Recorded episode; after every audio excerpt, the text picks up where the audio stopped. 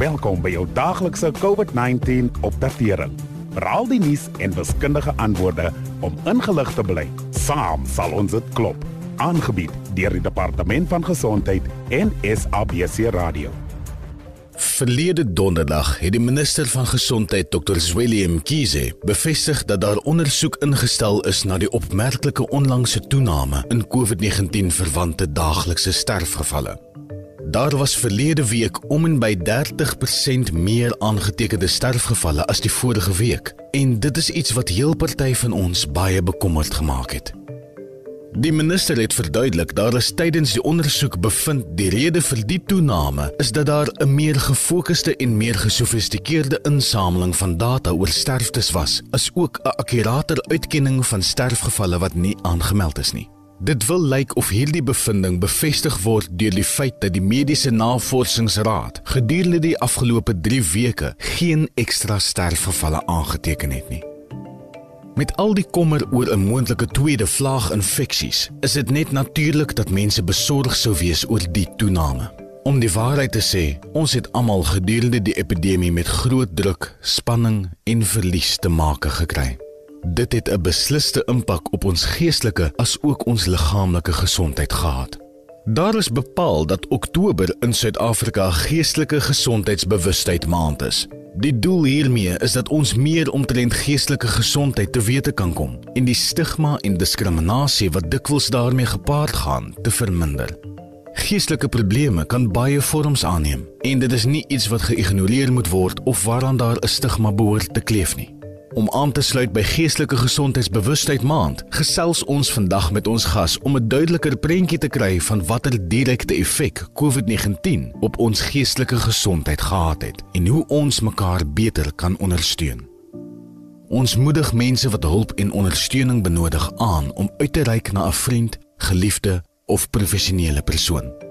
Aan die einde van hierdie insetsel sal jy op die Sikaba iCovid-19 Facebook bladsy 'n lys kan kry met die kontakbesonderhede van dienste wat beskikbaar is om mense te help ondersteun en behandel.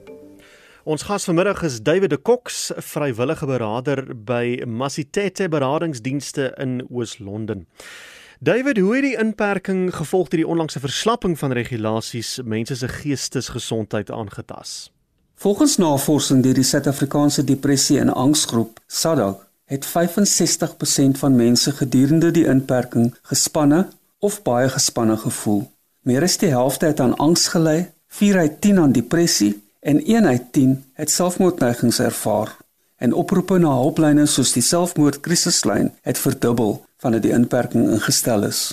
Finansiële stres, swak familieverhoudings, en eensaamheid is 'n paar van die uitdagings wat mense tydens die inperking in die gesig gestaar het. Maar ons moet ook in gedagte hou dat die hervatting van sosialisering terwyl die virus nog in die ronde is, vir party mense nuwe geestesgesondheidprobleme kan meebring. Mense het daarna uitgesien om weer normaal te kan leef, maar normaal het verander en verandering is ontwrigting. So, hoe hanteer 'n mens die ervatting van sosiale bande en hoe raak jy gewoond aan die sogenaamde nuwe normaal? Mense is vir so lank vertel om by die huis te bly. Party is nou te bang om uit te gaan. Onthou net amper almal wat die virus kry, herstel weer. En 'n masker beskerm jou en diegene om jou. As jy skrikkerig voel, is dit 'n goeie idee om met klein, veilige aktiwiteite te begin. 'n Maaltyd saam met een of twee mense wat jy lanklaas gesien het, of gaan stap saam met hulle. Kies iemand opgewek of iemand simpatiek met wie jy jou gevoelens kan deel. 'n Rede om uit die bed te klim en 'n gereelde daaglikse rotine help, soos om huiswerkies te doen, te studeer of werk te soek. Vrywilligerswerk laat 'n mens goed voel. Fokus ook op die positiewe goed in jou lewe en dit waaroor jy beheer het. Watter mense is op die oomblik meer vatbaar vir geestesgesondheidsprobleme? Geestesgesondheidprobleme kan enige iemand enige tyd oorkom, maar sekere groepe is nou meer vatbaar daarvoor. Gesondheidsorg en ander frontwerkers van wie sommiges hulle families deur middel van distansiering probeer beskerm. Leerders en studente wat sukkel om by te bly of nie kan terugkeer skool toe nie. Bejaardes, mense met onderliggende gesondheidsprobleme, haweloses en mense wat hulle werk verloor het en hulle gesinne. Vroue en kinders wat aan geweld en mishandeling blootgestel is, families wat geliefdes verloor het en wat sukkel met veranderende begrafnisreëlings en routradisies en mense met bestaande geestesgesondheidprobleme, veral as hulle behandeling onderbreek is. Ek dink daaraan mense met komorbiditeite en bejaardes. Hulle voel seker veral kwesbaar as dit by sosialisering kom. Beslis. Ons beveel nog steeds aan dat hulle hulle interaksies moet beperk, so hulle bly geïsoleer, wat hulle eensaamheid vererger. As hulle wel hulle geliefdes sien, voel hulle bekommerd dat hulle hulle risiko verhoog, wat hulle selfs meer angstig maak, en hulle moet reeds oppas vir depressie, veral as hulle onlangs vriende verloor het.